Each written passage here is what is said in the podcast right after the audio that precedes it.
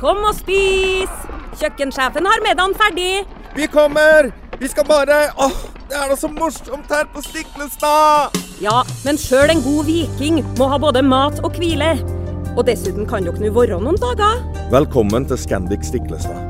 Moderne fasiliteter i historiske omgivelser. Det var her det skjedde.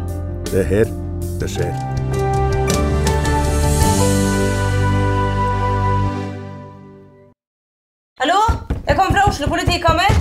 Ine Jansen er purk. Er du purk? The motherfucking bitch. Alt jeg vil, er å finne ut hva som skjedde med mannen min. Jon Carew. Er jeg sikta for noe? Iben Akeli. Det er du.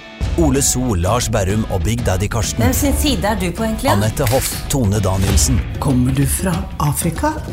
Jørnis Josef, Nesten. Kløfta. Trond Espen Seim, Det er synd å si det, men det var feil mann som døde. Purk. Premiere tirsdag på TV2 Play.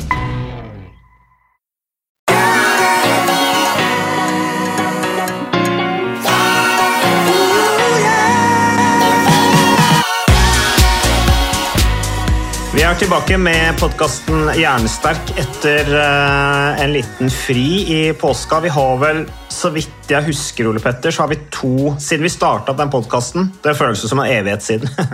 Men eh, siden vi starta opp, så har vi vel to uker hvor vi ikke har gitt ut. Det var en, en sommer.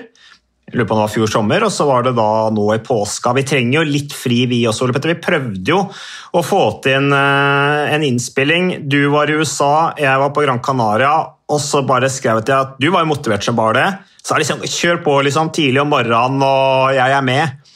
Og så backa jeg ut, sa at nei, nå tar vi oss en ferie, Ole Petter. Jeg tror vi hadde litt godt av det, altså. Ja, vi hadde nok det. Og det er jo veldig sjelden du backer ut. da. Jeg merket at jeg fikk litt sånn eh, Jeg følte at det var et eller annet som eh, manglet. Det har jo blitt en vanelighet å lage disse, disse podene. Og, så jeg merket at nå, nå er det et eller annet uh, som mangler. og da så var jeg litt usikker på om vi hadde laget en episode til å ha denne uka. Så jeg tenkte nei, nå må jeg kontakte Mats, så får vi laget en til. Men ja. jeg, jeg skal ærlig innrømme at det var greit å slippe å stå opp klokken fire om morgenen for å lage en podkast. Men uh, Ja, det er bra hver gang igjen. Ja, det er noe med å være til stede i tiden, på en måte. Til, altså når du investerer tid med familien din, å være til stede. For det blir jo på en måte med en gang Det preger deg jo med en gang du har en sånn forpliktelse som du skal forberede deg mentalt til, og du skal gjerne uh, sette deg litt inn i ting, og, og i det hele tatt så, så tror jeg det var fornuftig. Uh, men eh, Ole Petter, du, du, er jo, du underviser jo. Uh, du er tidligere fastlege, du har forska på hjernen, du har drevet med idrett. Vi, alle som lytter på den podkasten, kjenner litt engasjement for fysisk aktivitet og de fantastiske gevinstene det har. Eh, Men litt av det som er gøy med å lage den podkasten sammen med deg, og fordelen vi har da, med det felles prosjektet her, er jo det at du hele tiden underviser, eh, du hele tiden reiser rundt og holder foredrag, du er kontinuerlig engasjert, og da snapper du jo hele tiden opp eh, ulike typer forskning, sånne ting, som eh, du gjerne underviser, formidler videre. Eh, Og da kan du gjerne varme opp litt, f.eks. med å snakke om det på denne podkasten her, eller du kan ta en liten sånn eh, repetisjon på podkasten, sånne ting, for det er ferskt i minnet ditt. Hva, hva er det som Du har dukka opp noe nylig nå, er det ikke det, som du var litt opptatt av, som du hadde lyst til å dele? Ja, det er jo det er mye altså Det forskes veldig mye på, på dette med fysisk aktivitet og hvilken, hvilken effekt det har på oss, både fysisk og mentalt, og når det gjelder livslengde og livskvalitet. Og, og så er, vi jo så privilegerte at vi har ja, kanskje verdens fremste miljø når det gjelder forskning på fysisk aktivitet, eh, er jo i Norge, oppe i eh, Trondheim og NTNU treningsmedisin, eller SERG som det senteret heter, som, eh, som er en del av dette som heter Helseundersøkelsen i Nord-Trøndelag, eller HUNT-studien. Som er verdens største folkehelseundersøkelse, hvor man samler inn data eh, primært om livsstil. da, og, og dødelighet og sykelighet hos hundretusenvis uh, av mennesker. Så følger man dem opp i mange år. og det er jo eh, Da får du veldig veldig troverdige og robuste data. Og, og der detter det jo inn stadig vekk da, publikasjoner fra, fra denne gruppa. og Noe av det jeg har lagt merke til i, i det siste, det, det er for så vidt ikke helt nytt, men det har blitt omtalt i populærmedia også. det siste, og Det er noe som heter Generasjon 100-studien. hvor de har eh, undersøkt litt over 1500 eh, menn og kvinner mellom 70 til 74 år. Kartlagt livene deres i ganske detalj. Levevaner da, med fysisk aktivitet og kosthold og søvn og alkohol mm. osv. Og, så og så har de fulgt dem opp i, um, i fem år. Uh, og akkurat den studien her nå, som jeg tenkte jeg skulle si litt om, så, så var det da altså 1567 uh, menn og kvinner mellom 70 til 74 år uh, i alder. Mm. Som eh, ble fulgt opp i fem år. og Så ble de delt inn i tre grupper. og Ved loddtrekning, da, sånn at det er litt tilfeldig eller helt tilfeldig hvem som havner hvor. Og En tredjedel av gruppa de skulle trene um, intervalltrening eh, ganske hardt i to ganger i uka. Da kjørte de sånn fire ganger fire intervall, som eh, mange kjenner til. Ja, Det er jo typisk andre... Trondheim-miljø, da. Fire ja, det er jo født er... i Trondheim, riktignok fra et annet uh, miljø oppe i Trondheim, Hoff og Helgerud. Ja. Som sverger til denne fire ganger fire intervalltreningen som man kan si mye om. Men det er iallfall in intervalltrening, og det funker. Det er lett å huske fire ganger fire, det er blitt et ja. begrep. Så, så, absolutt, det har de lykkes veldig godt med. Men jeg må bare si at selv er jeg skeptisk til liksom at fire ganger fire er en sånn at det er en sannhet, for det, det er det ikke. Du kan, du kan, kjøre ett minutt og to minutter og 30 ja, sekunder. Altså, det er all verdens kombinasjoner du kan kjøre. Poenget er at det skal være opp og ned i intensitet, og at du skal kjenne litt på det. Ja, Poenget er, er vel her at vi vet veldig godt at eh, trening med høy intensitet er bra for helsa. Mm. Uh, og Om det er fire ganger fire eller tre ganger seks eller fem ganger tre eller hva det, nå, hva det nå blir, det spiller nok mindre rolle. Men uansett, da, så så En tredjedel av gruppa trente hardt, eh, høy intensitet, intervalltrening fire ganger fire. En tredjedel trente med moderat intensitet. Eh, og Det er jo en type intensitet som du gjerne kan holde. Du blir svett og andpusten, men du kan holde på inntil en times tid, kanskje. Mm. Med den intensiteten. Så det ville være en joggetur kanskje, eller en sykkeltur. Litt avhengig av formen man er i. da. Mm. Eller en rask gåtur. Eh, og en tredjedel fikk bare generelle råd om fysisk aktivitet. Ok, Så det var ikke noe krav? Ikke noe krav. De, de gjorde ikke noe, liksom? De bare lytta? Nei. Det var ikke sikkert de gjorde noe? Nei.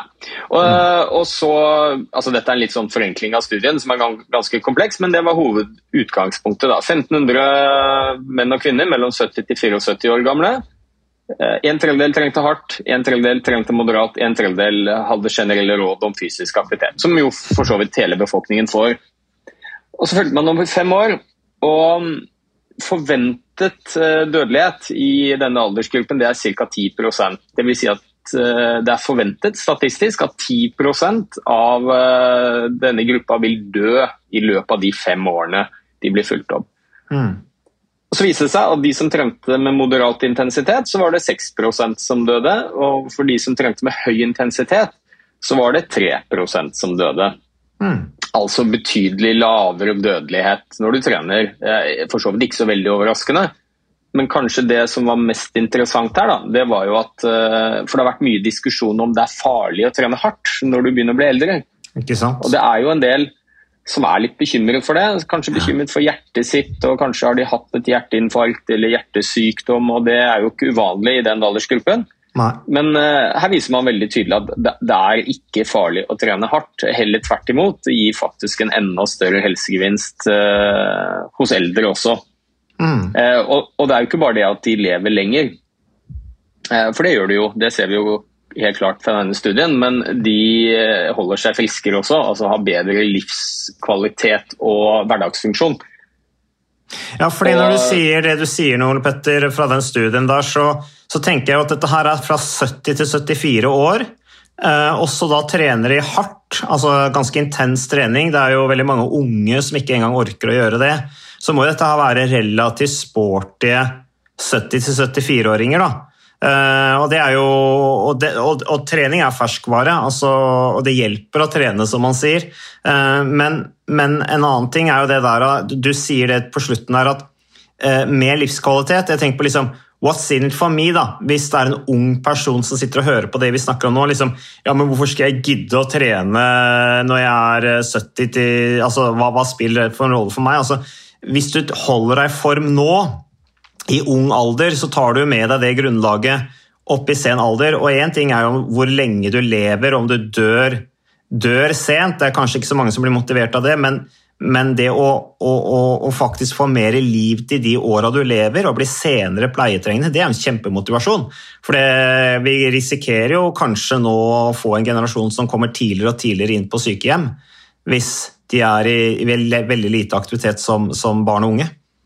Ja, absolutt. Og det, jeg vil bare presisere at Dette var da 70-77 år gamle mennesker, og de er ikke forhåndsselektert. Dvs. Si at man har ikke plukket ut spesielt spreke og friske 70-77-åringer. Dette er eh, tilfeldig valgte 70-77 eh, år gamle mennesker i Norge, så det skal jo da representere en tverrsnitt av befolkningen. Så dette er helt vanlige 70-77 år gamle norske menn og kvinner Mm. Uh, og hvor da Studien viser helt klart at uh, du kan forvente å leve både lenger og holde deg friskere hvis du trener. Og Spesielt hvis du trener litt hardt. Mm. Uh, men ofte så blir jo dette bare tall, og jeg tenker nå for hvilken som helst person som kanskje er på vår alder, da, mellom 40 og 50, eller kanskje til og med over 50, for det er jo meg, Mats. Mm. Så det å høre at det er 3% dødelighet versus 6 jeg, jeg, tror ikke det i veldig stor grad uh, motiverer noen til å komme seg opp av sofaen og bevege seg. Det er bare tall, ja. uh, og det er ikke så lett å forholde seg til. Men det de er veldig gode på da, oppe i Trondheim, det er jo å, å gjøre dette Trekke ut data og så gjøre det praktisk. altså, hva skal vi si for noe, uh, Vise hva dette faktisk kan bety i praksis, da, ikke bare tall og data og statistikk. Og denne generasjon 100-studien um, har jo vist at hvis du er aktiv som eldre, f.eks. møter myndighetenes anbefaling om fysisk aktivitet 150 minutter i uka, mm. så kan du forvente å ha 14 ekstra leveår hvor du klarer deg selv. Altså Hvis du har to, to stykker, da, som hvor den ene eh, eldre er inaktiv og den andre er aktiv. Kanskje lever de like lenge, for det er jo mange ting som avgjør levelengde, eh, livslengde, bl.a. gener. Mm. Så kan den aktive personen forvente å ha 14 år hvor de kan klare seg sjøl uten hjelp, mm. versus den inaktive som vil trenge hjelp til daglige gjøremål. Det kan være å kle på seg, det kan mm. være å reise seg etter de har falt. Altså, mm. Man klarer seg sjøl lenger og har det bedre. 14 år er ganske lenge. 14 år er veldig lenge. 14 år hvor du kan leve i frihet som selvstendig, uh, uten hjelp, uh, uten å være pleietrengende. Det, det, har mye å si. Da, da, kan du være en bidragsyter tilbake til familien din og samfunnet på en helt annen måte. Både ved å, å, å, å spare den der plassen på, på, på institusjon, men også ved at du faktisk kan på en måte være med og, og bidra praktisk da, til folk som, som, trenger hjelp rundt deg. Så, så det, er, det, er masse, det, er, en kjempemotivasjon, det der å, å, å faktisk bli senere pleietrengende, eller som jeg sa, mer liv til de åra du faktisk lever, det er, det er, en god motivasjon. Men uh, Ole Petter, det er jo, vi har jo snakket en del om dette med barn og unge og de tinga der, men også er det der med å trene hardt, da, trene intenst. ikke sant? Jeg snakk om noen intervaller og sånne ting, men det kan jo være så mangt. Altså En 70-åring som går i skogen og går opp bratte bakker og de tinga der, det er jo også da på en måte altså at du får opp intensiteten. At du, du, du, du kjenner på det, liksom. At melkesyra, du kjenner på melkesyra, det er veldig bra for helsa. Ja, absolutt. Og det, um, intensitet styres jo av puls. Og, og det er klart For en, uh, en, veldig godt trent person så må du løpe fort, sykle hardt uh, for å komme opp i høy uh, intensitet. Men for en godt voksen person, kanskje 70-77, som denne gruppa vi snakket om var, mm. så, så, kan jo uh, du gjerne få høy intensitet ved å gå en tur. Uh, Iallfall hvis du går i motbakke. Poenget er bare å bli, å bli sliten. Mm. Og, og, det, og det, det, tror jeg er viktig melding til egentlig veldig mange, men kanskje spesielt eldre også. Det er ikke farlig å trene hardt. Tvert imot. Jo hardere du trener, jo større helsegevinst får du. Mm. Men allikevel så tror jeg også det er viktig å si at all trening hjelper. Og er du ikke motivert eller av annen grunn uh, sliter med å trene hardt, så vil du også få en kjempestor gevinst bare ved å gå deg en rolig tur. Holde deg i gang. Så jeg tenker det er viktig at vi ikke lager et sånt skille hvor man tenker at man må trene knallhardt for at det skal gi en helsegevinst. All, absolutt all bevegelse og trening hjelper, men det kan være greit å vite at klarer du å få inn noen økter hvor du blir litt ekstra sliten, så får du en ekstra gevinst både på fysisk helse og mental helse. Livskvalitet, levetid, hverdagsfunksjon. Jeg eh, traff en, eh, en spanjol oppe i fjellene nede i Gran Canaria der. Jeg sykla, jeg tok han igjen da, opp en 12 Er det spanjoler på Gran Canaria? Ja, bare det er mest nordmenn. og sverre, svensker og finner og briter og sånn. Men dette var en spanjol, da. Han forvilla seg til Gran Canaria. Ja, ja, ja, at, han, at han liksom Ja, at det kan være spanjol der, er jo helt utrolig. Men eh, han kosa seg da oppe i fjella der. Eh, Jeg tok han igjen, lå litt bak han, for han kjørte såpass hardt at det var liksom bare greit å sitte litt på hjul. Eh, han så jo ut som en 40-åring bakfra, liksom. Med, med beina, og var tydeligvis en veldig lidenskapelig syklist. Hadde barbert beina, greier, reist sånn jorder, ikke sant, og så veldig proff ut. Så kom jeg på sida, så så jeg at han var litt eldre, og så spurte jeg hvor gammel Eller vi som begynte å snakke, og så sa han ja, du er jo ung, sa til meg. Og Så sa jeg nei, jeg er ikke ung, jeg er 45, sa jeg. Eh, Og så sa jeg ja, men jeg er jo 65. Og da tenkte jeg å jøsse navn, 65, ja. Eh, Og han var da ute på fire timer sykkeltur da, nede i Gran Canaria der, og, og sprek som en loppe, altså. Helt utrolig. Så det er ganske inspirerende å møte folk som liksom er i såpass høy alder, og er, de, de, er- de er spreke som ungdommer, da. Eh, Ja, så det, det er fantastisk, altså. For jeg har sykla med mange vesentlig yngre mennesker som ikke er i nærheten av å være på et sånt nivå, rent fysisk. Så, så det, er, eh, det er litt artig. Ja, du, det helt fant- Jeg var sikker på at du nå skulle si at dette viste seg å være Miguel Indurain, ja, men det var det altså ikke. Jeg tror ikke Miguel Indurain er så sprek som det han, er Nei, han er vel ikke så nå. gammel heller. Nei, han er ikke så gammel. Jeg, tror, jeg har sett noen bilder av Miguel Indurain, som jo vant eh, Tour de France fem ganger. Uh, er jo en legende, var jo, tok jo sine store seire på, på 90-tallet, men uh, han tror jeg ikke har sykla så mye nå. Eh, De siste årene, altså. Han tror jeg er blitt, tror jeg er blitt lei. Han tror jeg eh, heller nyter, øh, nyter suksessen han en gang hadde. Så, så Nei, det er noe sånn. jeg tenker at dette er et viktig, viktig poeng, og, og for meg så har det vært mer sånn akademisk eh, spørsmål. Jeg har jo visst det, at eh, det er viktig å holde seg i aktivitet, kanskje spesielt eh, når man blir eldre. Men nå når jeg begynner å nå eh, en litt høyere alderskategori selv, så, så merker jeg jo at det forsvinner en del eh, muskelstyrke. Det forsvinner litt spenst og fleksibilitet og koordinasjon. og Vi blir litt mer forsiktige. Jeg, jeg merker det med barna mine også. Av, disse stuntene jeg tidligere ville gjort med største selvfølge. Det kan være stupe, ta salto i svømmebassenget. Man blir litt mer forsiktig. Mm. Og Det handler nok også om at man merker at uh, styrke og koordinasjon og alt dette er ikke som det en gang var før. Ukas annonsør det er HelloFresh. Og eh, hvis du nå går inn på hellofresh.no og bruker koden FRESH hjerne, så kan du få opptil 1779 kroner rabatt på da de fem første matkassene dine, hvis du ikke har prøvd Hello Fresh enda. Og Ole Petter, vi er jo glad i Hello Fresh i podkasten Hjernesterk, eh, selvfølgelig fordi at de er en annonsør. De er med og bidrar til å spre det glade ordet om fysisk aktivitet og god helse. Men i tillegg så har jo vi også nå lang erfaring med Hello Fresh eh, selv. Så vi må jo si at det har vært gode erfaringer til nå. Ja, absolutt. Visste du, Mats, at HelloFresh det er faktisk verdens ledende matkasseleverandør? Og tilbudene til HelloFresh gjør det enkelt å lage gode og varierte retter som skaper matglede. Og matglede vet du, det er like viktig som hva du putter i munnen. Det å spise mat med folk du trives med. Så gjennom 25 nye og inspirerende retter hver uke så bidrar HelloFresh til dette. Du kan bestille ekstra porsjoner om du får gjester, eller hoppe over uke hvis du f.eks. skal bort. Og Det er ingen bindingstid, og du velger leveringstidspunkt og dag selv, så leverer HelloFresh matkassen din akkurat når det passer deg. Ikke dårlig, Mats. Nei, det er veldig bra. Så, øh, og dette er med enklere hverdag, det kan jeg nå skrive under på. For nå, forrige erfaring vi hadde forrige uke, Ole Petter, det synes jeg var Det var jo et gjennombrudd øh, for familien Kaggestad. For da lagde rett og slett barna De lagde middag og serverte middagen, så den var ferdig laget og servert da når eh, min kone Marita og meg kom hjem fra jobb. Og jeg mener Det var jo bare helt utrolig. Eh, Det var helt fantastisk. Det ble en nydelig middag. Riktignok de, de, de, de roter og søler litt, det gjør de. Så, men, men maten ble veldig god. De var veldig stolte over å kunne å ha både laget og servert maten, så det var helt fantastisk. Så vi har jo da i siste så har vi eh, spist eh, bl.a. sitron- og dillstekt hyse med ovnsbakte grønnsaker og aioli. Eh, Vi har spist middelhavsinspirert kylling.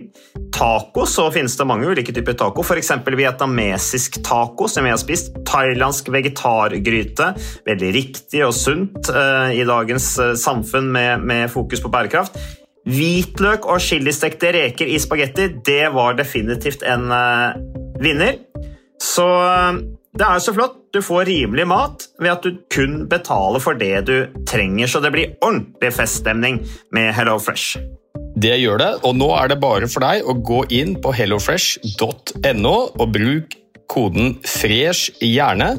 Da får du opptil 1779 kroner rabatt på de første fem matkassene dine, hvis du ikke allerede har prøvd HelloFresh. Du kan også bruke rabattkoden hvis du har stoppet abonnementet ditt for tolv måneder siden eller mer. Er det noe å lure på? Håper maten smaker godt. Bon appétit! Og, og, og jeg pleier å si det at altså, jo eldre du blir, jo viktigere er den fysiske aktiviteten. For det har så mye å si for hva du får til i hverdagen. Altså hvordan du har det. Ikke bare risiko for hjerteinfarkt og hjerneslag. og Det er jo fint å ta med seg det òg, at det synker. Men kanskje den aller største fordelen er at eh, du er i større stand til å leve det livet du ønsker. Mm. Gå i fjellet, kunne løfte, kunne reise deg etter du har falt, klare deg selv. Beholde førerkortet når du begynner å bli 70-80 år. Alle disse tingene som vi egentlig tar litt, litt for gitt. da. Jeg satt og leste en bok om hjernen også, Ole Petter, nede på Gran Canaria der, eh, som jeg kjøpte på, på flyplassen. Jeg husker ikke hva den het, jeg kan sikkert ta fram det ved en senere episode. Men én ting er jo dette fysiske som vi snakker om, ikke sant? hjerte og alt dette her òg, men det, det handler jo også om hjernen. Altså holde hjernen i form. Det handler jo også om å utfordre seg selv litt i forhold til dette med det fysiske. Være litt ut av komfortsonen. Ture og prøve noe man klarte før, men kanskje må, må øve litt på for å få det til å sitte igjen. Det, det påvirker jo hjernen også. Ja, definitivt. Og det, mm, hjernen vår fungerer egentlig ganske enkelt etter et prinsipp som jeg tror jeg har nevnt flere ganger, men som heter use it or lose it. Som i bunn og grunn betyr at de områdene av hjernen du bruker ofte, de blir stimulert og styrket, mens de områdene av hjernen som kanskje ikke får så mye aktivitet i hverdagen, de, de svekkes over tid. Og, og, og vi vet jo at det, det å utfordre seg selv, lære seg nye ting, gå litt utenfor komfortsonen, ikke bare gjøre det samme hele tiden, det, det er med på å styrke nervefunksjon og faktisk forebygge Alzheimers demens. Men av alle de tingene vi kan gjøre for å bremse aldersforfallet i hjernen, som eh, vi selvfølgelig ikke kan stoppe? Vi taper 100 000 nerveceller hver dag fra vi er 25 år gamle. Mm. Det er en helt naturlig aldringsprosess, og den kan vi selvfølgelig ikke stoppe, men vi kan bremse den. Ja. Å gjøre at den går langsommere, som betyr at vi får flere leveår med god kognitiv funksjon. Altså det å kunne tenke og planlegge og gjennomføre og huske og alle disse tingene som vi er helt avhengig av i hverdagen for å fungere. Beslutningstaking. Ja, vi bremser det forfallet betydelig ved å være i fysisk aktivitet. Og jeg tror jeg nevnte tidligere noen studier som viser at eh, et par raske gåturer i uka eh, gjennom livet, fra du er voksen til du blir gammel, det, det kan redusere sannsynligheten for å få Alzheimers demens, som er den vanligste typen demens, med ca. 50 Ja. Ganske Ganske Det er ikke noe legemiddel eller noe annet vi kan gjøre som er i nærheten av å gjøre det samme. Så gevinstene er formidable, selv med relativt liten innsats.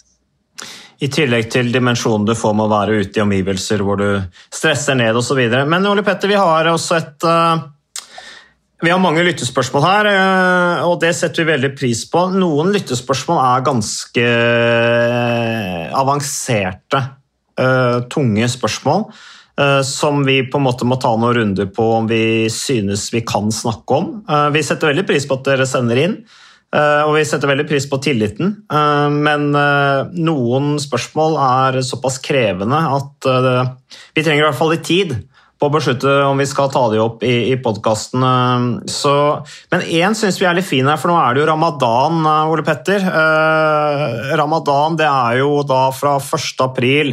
Eh, fredag 1. april til søndag 1. mai. Det er jo en fastetid for muslimene, og det er jo var vel du som sa at det er godt over én milliard muslimer omtrent? Jeg vet ikke er på tallet. En, ja, tallet har jeg ikke helt nøyaktig, men jeg tror vi snakker om uh, litt i overkant av 1,5 milliard mennesker på, mm. på jorda som uh, er muslimer, og veldig mange av dem observerer jo ramadan, denne faste måneden, fire uker.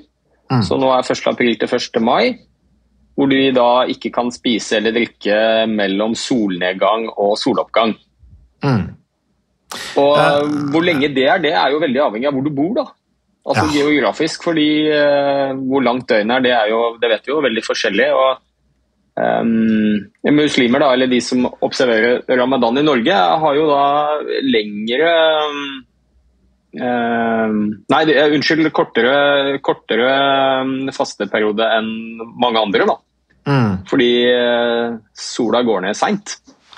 Men uh, vi har jo snakka litt om faste tidligere også, i forhold til gevinsten på hjernen og de tinga der, i forhold til dette med hvor vi kommer fra, da, med tanke på forfedre som sant, måtte gå ganske lenge rundt sulten, og det gjorde at de ble skjerpa. Eh, at de skjerpa sansene, skjerpa hjernen osv. Men jeg skal ta og lese det spørsmålet. Hallo, Synes podkasten deres er veldig fin, hører fast på hver uke. Jeg har et spørsmål med tanke på fasting. Jeg er en 25 år ung mann Eh, og trener regelmessig fem til seks ganger i uka. Men det er ramadan snart, og jeg lurte bare på et par tips, slik at man ikke mister så mye muskelmasse under fastemåneden. Det blir jo en del kaloriunderskudd ufrivillig, så hva gjør man da? spørsmålstegn. Og er det greit å trene under fasting? Har selv spilt fotball en time før man åpner fasten, og det har gått fint i mange år skriver da lytteren vår inn her. Eh, Ole Petter, eh, har du snakket med noen kanskje tidligere pasienter av deg som har fastet i forbindelse med ramadan og hatt utfordringer med det, eller er dette ganske nytt for deg? Nei, det, er, det, er, ikke helt nytt for meg. Én eh, ting er jo faste. Det, her er det jo en litt spesiell faste som er midlertidig og jo går på en spesiell veldig sånn strukturert at det er fra det tidspunktet til det tidspunktet. Så, um, og Det er forsket ganske mye på dette også, og jeg tror i hvert fall svare på det siste spørsmålet først. da, Som går på om det er ok å trene under ramadan. Mm. Så ville jeg sagt ja, vær så snill, gjør det. Ja. Eh, og Der har man jo sett på hvilken konsekvens har denne fasten hos utrente versus trente individer. Og, og, og, det viser seg jo at eh, eventuelle negative helsekonsekvenser av å faste sånn som dette, som for øvrig er veldig få og for de færreste, den er større hos de som er utrente og inaktive enn hos de som trener. Mm. Sagt på en annen måte, når man går lengre tid eh, med lavt inntak av både væske og mat, så, så er det en fordel faktisk å trene. Og så er det vel en god idé å komme inn i ramadan i god form? Ja, absolutt. Så, så det vil jeg si helt utvetydig basert på forskning. Eh, det er ikke noe farlig, og det er, det er positivt uh, å trene under ramadan. Mm. Og, og iallfall hvis du uh, er glad i å trene og har en rutine på det, så er det absolutt ingen grunn til å, til å legge den bort under, under fasteperioden. Når det er sagt, så, så er det jo snakk om vekt eller kaloriunderskudd, det er jo gjerne det det er snakk om. og det er klart det at uh, Hvis en stor andel av mm, kaloriinntaket ditt skjer i de timene uh, hvor du nå ikke spiser, så, så, vil du sannsynligvis gå ned i vekt under ramadan. Og For mm. noen så kan jo det være positivt, uh, for andre så er det noe man ikke ønsker. og da tenker jeg at hvis du, hvis du er litt bekymret, sånn som denne lytteren her da, for muskeltap, muskelmassetap eller kanskje vekttap generelt, Mm. Eh, så tenker jeg det er et par ting man kan gjøre. Det ene er jo å passe på å spise godt eh, når man kan, eh, når sola er oppe. Mm.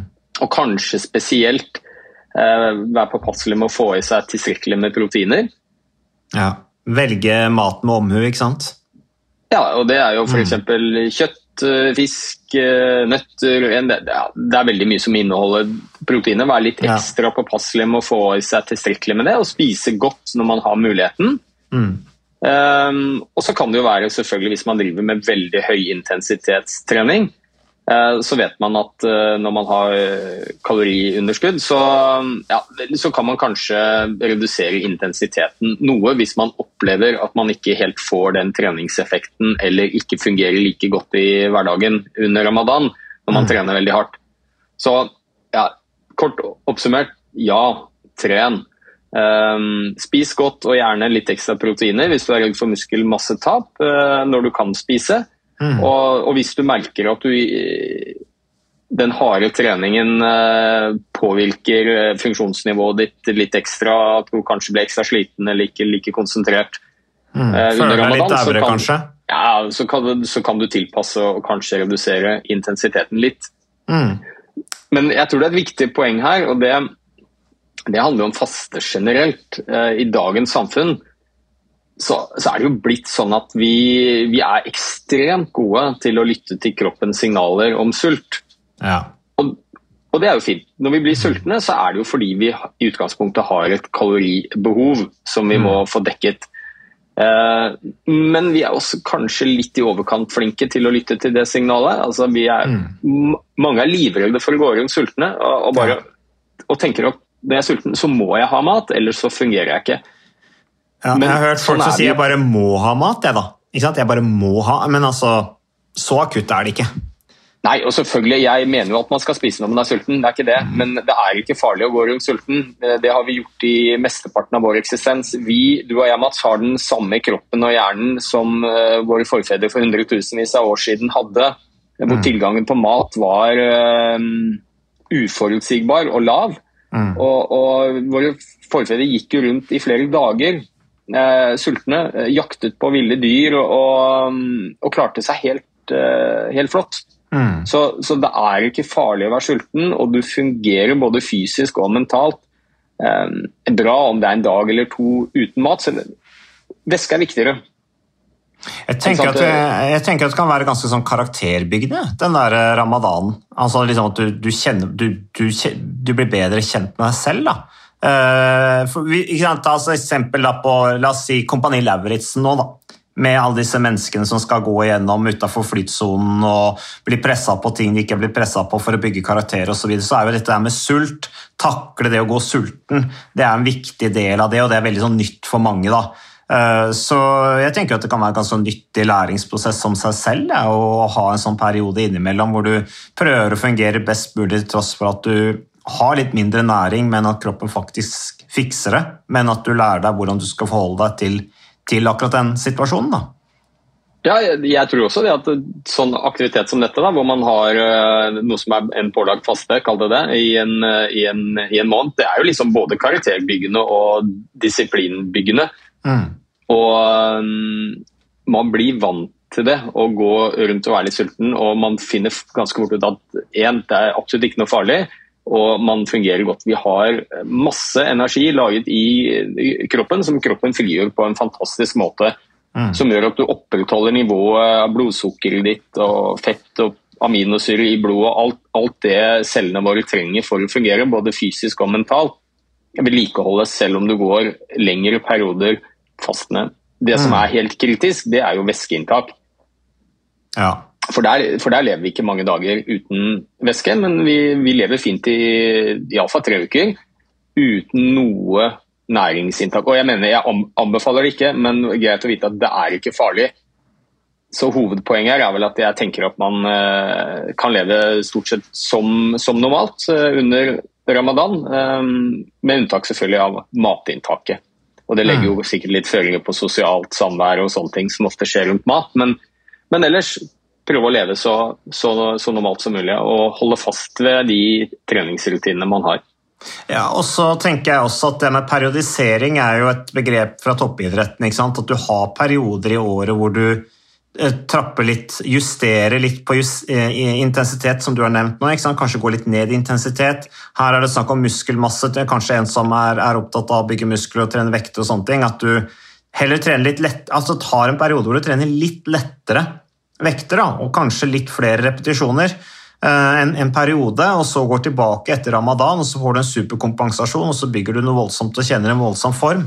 Så, eh, også, også mentalt sett og de tingene der er jo, er jo spennende med tanke på den podkasten her også, dette med sammenhengen mellom fysisk og mentale, men, men, det der å ikke være redd for å, å prøve å, leve mest mulig normalt, selv om man endrer litt på situasjonen rent ernæringsmessig, at det, det kan faktisk gå veldig bra.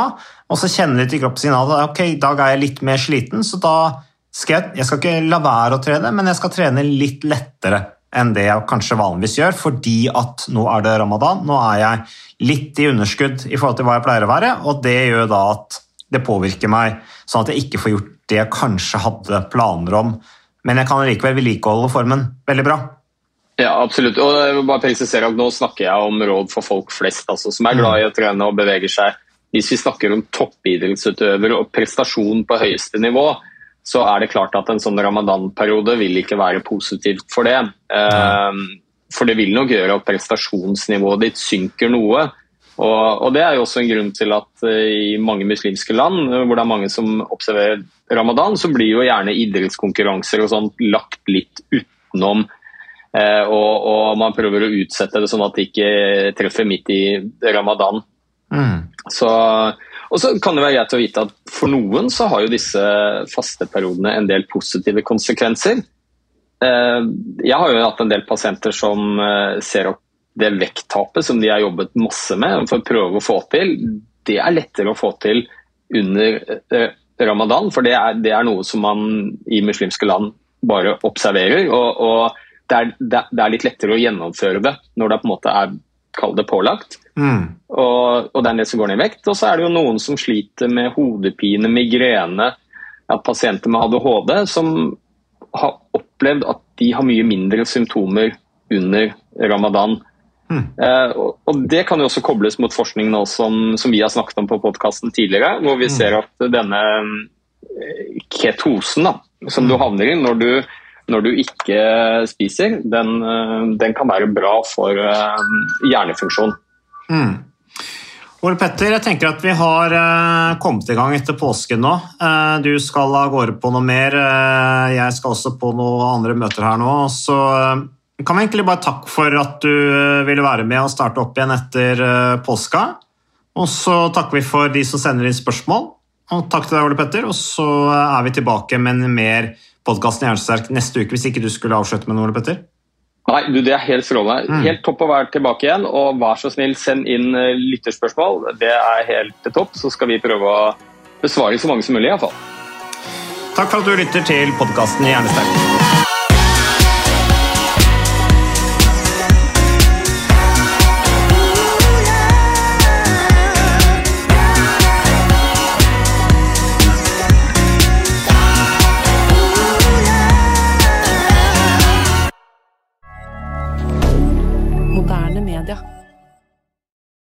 Har du et enkeltpersonforetak eller en liten bedrift? Da er du sikkert lei av å høre meg snakke om hvor enkelt det er med kvitteringer og bilag i fiken, så vi eh, gir oss her, vi. Fordi vi liker enkelt. Fiken superenkelt regnskap.